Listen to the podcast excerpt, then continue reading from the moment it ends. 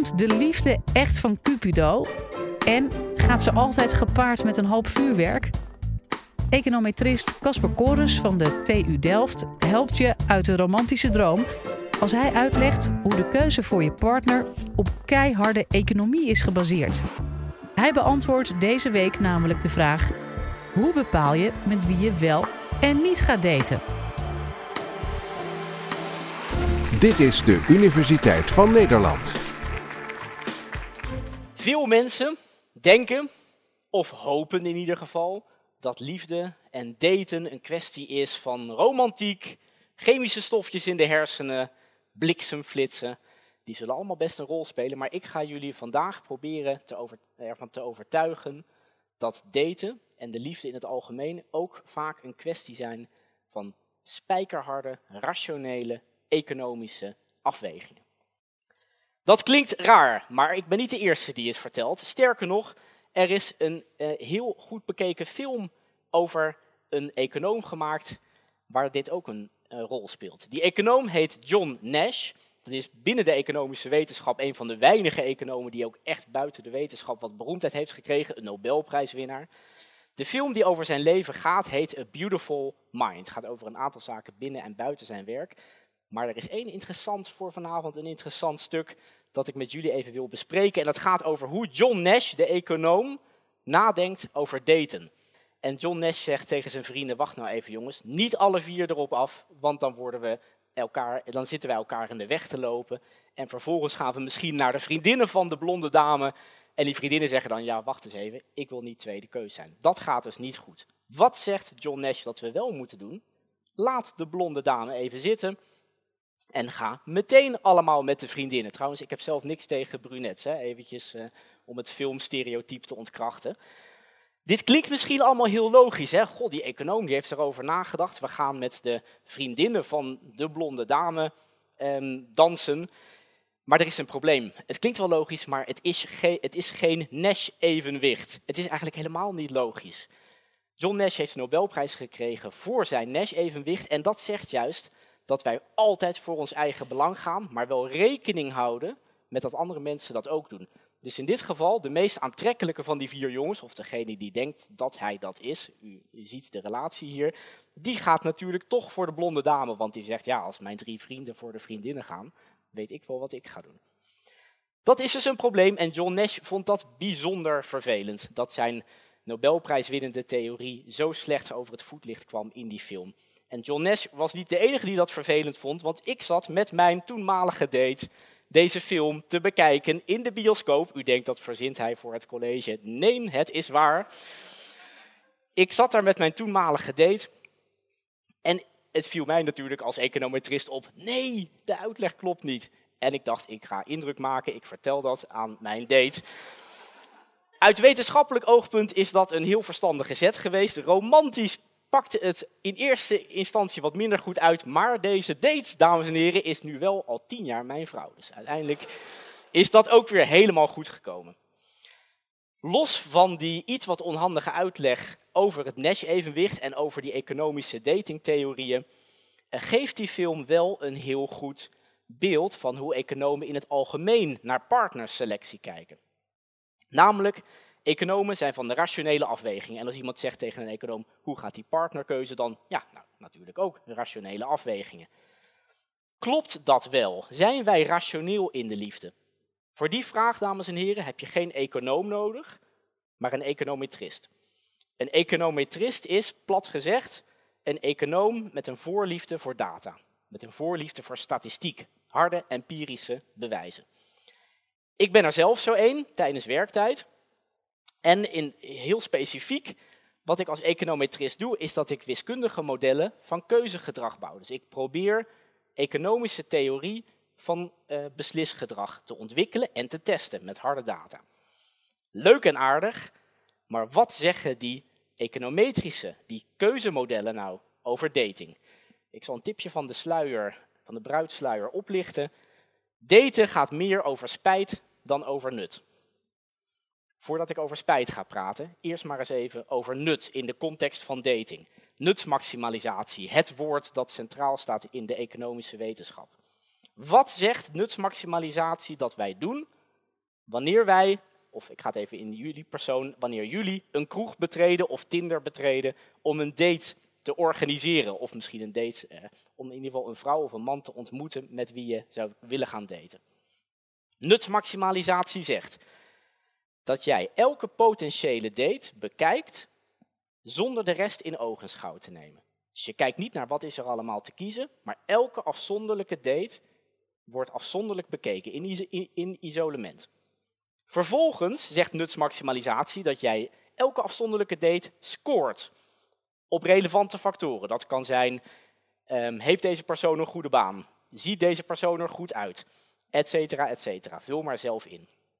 Vervolgens, zegt de theorie, hang jij gewichten aan die factoren. Niet elke factor is even belangrijk. Zo zou het zomaar kunnen zijn dat je zegt, joh, opleidingsniveau is veel belangrijker dan iemands lengte. Goede keuze, dames.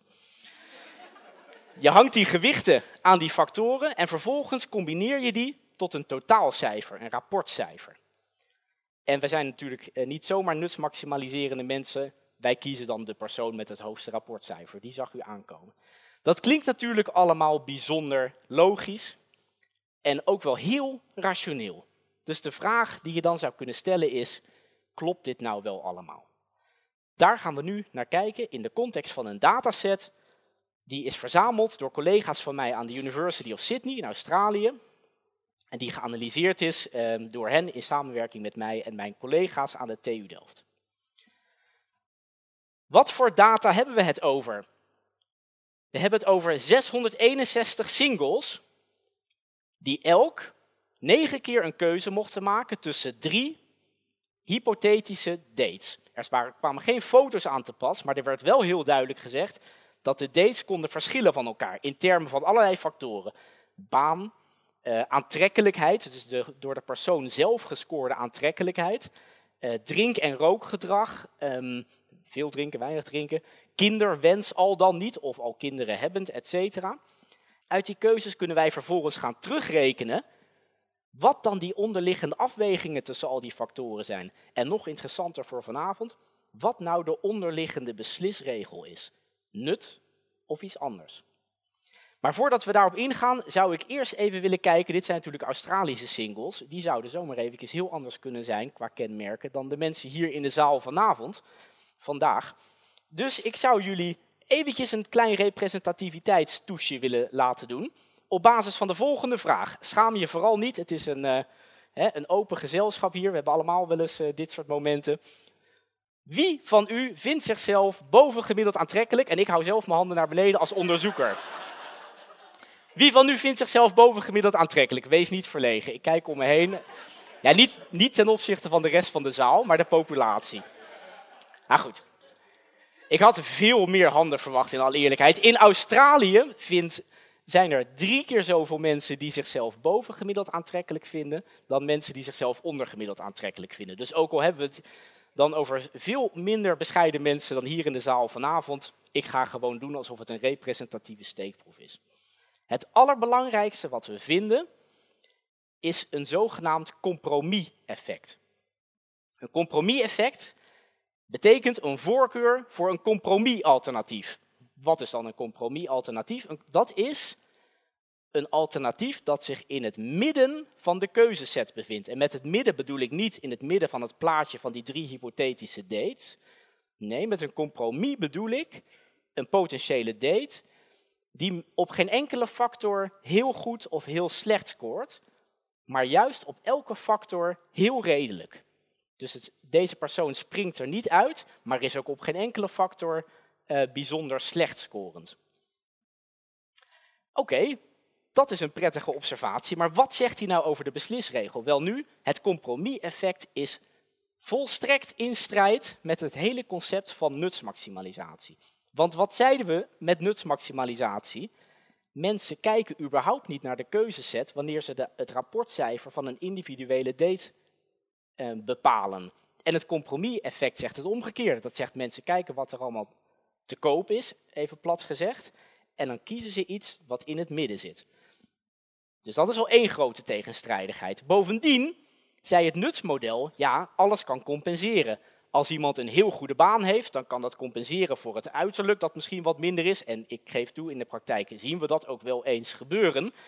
Maar het compromis-effect zegt dat mensen juist die extreme niet willen. Ze zijn op zoek naar iemand die redelijk scoort op elke factor. Oké, dus we hebben een compromis. We hebben geen nutsmaxima nutsmaximalisatie. Wat hebben we dan wel? Deze ziet u ook aankomen, spijtminimalisatie. Wij hebben in de, aan de TU Delft een uh, wiskundig model van keuzegedrag ontwikkeld op basis van spijtminimalisatie. Niet om datingkeuzes mee te analyseren, um, alhoewel het uh, een enorm interessante toepassing is. Het spijtmodel zegt, de keuzeset is van belang. Je kan pas spijt hebben als je weet wat er allemaal nog meer te kiezen is. Het spijtmodel zegt ook, we maken niet eerst een rapportcijfer, nee, we gaan elk individu op elke factor met alle competitie vergelijken. Dus ik vergelijk alle potentiële dates op hun baan, op hun uiterlijk en op al die andere factoren. En wanneer ik die vergelijking maak, dan hecht ik een veel groter gewicht aan als iemand minder presteert dan de concurrentie, want daar krijg ik spijt van. Als je dat met elkaar combineert, dan zie je meteen dat het spijtmodel het compromis-effect voorspelt. Dus het verbaast ook niet dat op deze datingdata uit Sydney het nutsmodel veel minder goed in staat was om keuzegedrag te voorspellen dan het spijtmodel. Deze data die komen uit 2010 en hoewel liefde eeuwigheidswaarde heeft, dat weet ik heel goed, is er natuurlijk wel het een en ander veranderd in de wereld. Wat is de grote verandering geweest sinds 2010, de opkomst van dating apps? Wie van u, en u bent nu al helemaal door alle genen heen, wie van u heeft er wel eens een dating app gebruikt? Mag ik handen zien? Kijk, dit had je dus in 2010 absoluut niet gezien. Heel mooi aantal. Op zich is er uh, bieden deze dating apps hele mooie uh, kansen. Van de dating vijver krijg je ineens een oceaan. Maar economen zien in dating apps ook een probleem. Welk probleem? Het probleem, zoals een econoom zegt, van assortative mating. En dat kan uh, beter uitgelegd worden dan in dat woord. Namelijk, steeds meer dating apps maken gebruik van voorselectie. Bijvoorbeeld Tinder waar, gaat er steeds meer op sturen dat je op basis van opleidingsniveau je date kan vinden. Of op basis van iemands baan of misschien zelfs inkomen. Ik praat een beetje als leek hierin, maar ik, ik uh, weet wel zeker dat het het geval is. Het kan nog veel gekker dan dit. Uh, zo zijn er dates van mensen, vrouwen en of mannen, die van mannen met baarden houden. Wie heeft er hier een baard? Mag ik handen omhoog zien? Ja, ik zag er al. Ja, daar kan je niet over liegen natuurlijk. Um, die mannen met baarden waren er in 2010 trouwens ook niet. Dat is ook iets dat net als Tinder is opgekomen. Niet alleen mannen met baarden, er zijn zelfs dating apps voor mensen die van Disney houden. Uh, Mickey's en Minnie's Mouse, die kunnen elkaar zo vinden. Nou gaan economen zich natuurlijk niet uh, heel veel zorgen maken over uh, of een Mickey of een Minnie Mouse app nou zo schadelijk is. Maar die um, grap van Tinder met zijn inkomensafhankelijk op of, of opleidingsniveau afhankelijke dateselectie, dat is serieuzer. Want als wij dat zo blijven doen met z'n allen, als wij steeds meer in ons eigen groepje blijven rondrennen van de hoogopgeleiden die met elkaar gaan daten en uiteindelijk komen daar in sommige gevallen kinderen van, dan krijg je op de lange termijn een situatie van een onbereikbare elite van heel slimme mensen die alleen nog maar met elkaar omgaan ik chargeer het hier, maar het punt is denk ik wel heel reëel. En sterker nog, eh, een stel Amerikaanse economen heeft uitgerekend dat van de groei in inkomensgelijkheid in Amerika over de laatste halve eeuw 20% is toe te wijzen aan het feit dat mensen steeds meer met mensen uit dezelfde laag van de bevolking zijn gaan daten en trouwen en kinderen uh, hebben gekregen. Dus wil je eens wat goed doen voor de wereld, hè, wil je de wereld wat meer gelijk maken, iedereen gelijke kansen, je weet wat je moet doen, loop eens een keer een andere wijk in, date een wildvreemde, kijk wat er van komt. De conclusies. Hoe kies je met wie je wel of niet wil gaan daten? Ik heb jullie er hopelijk van overtuigd dat los van alle bliksemflitsen er ook sprake is van bikkelharde, rationele economische afwegingen.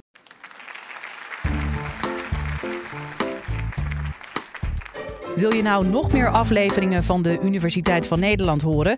Bijvoorbeeld over de vraag waarom zoveel millennials kampen met een burn-out? Of hoe je een oogbal kunt bioprinten? Check dan de hele playlist.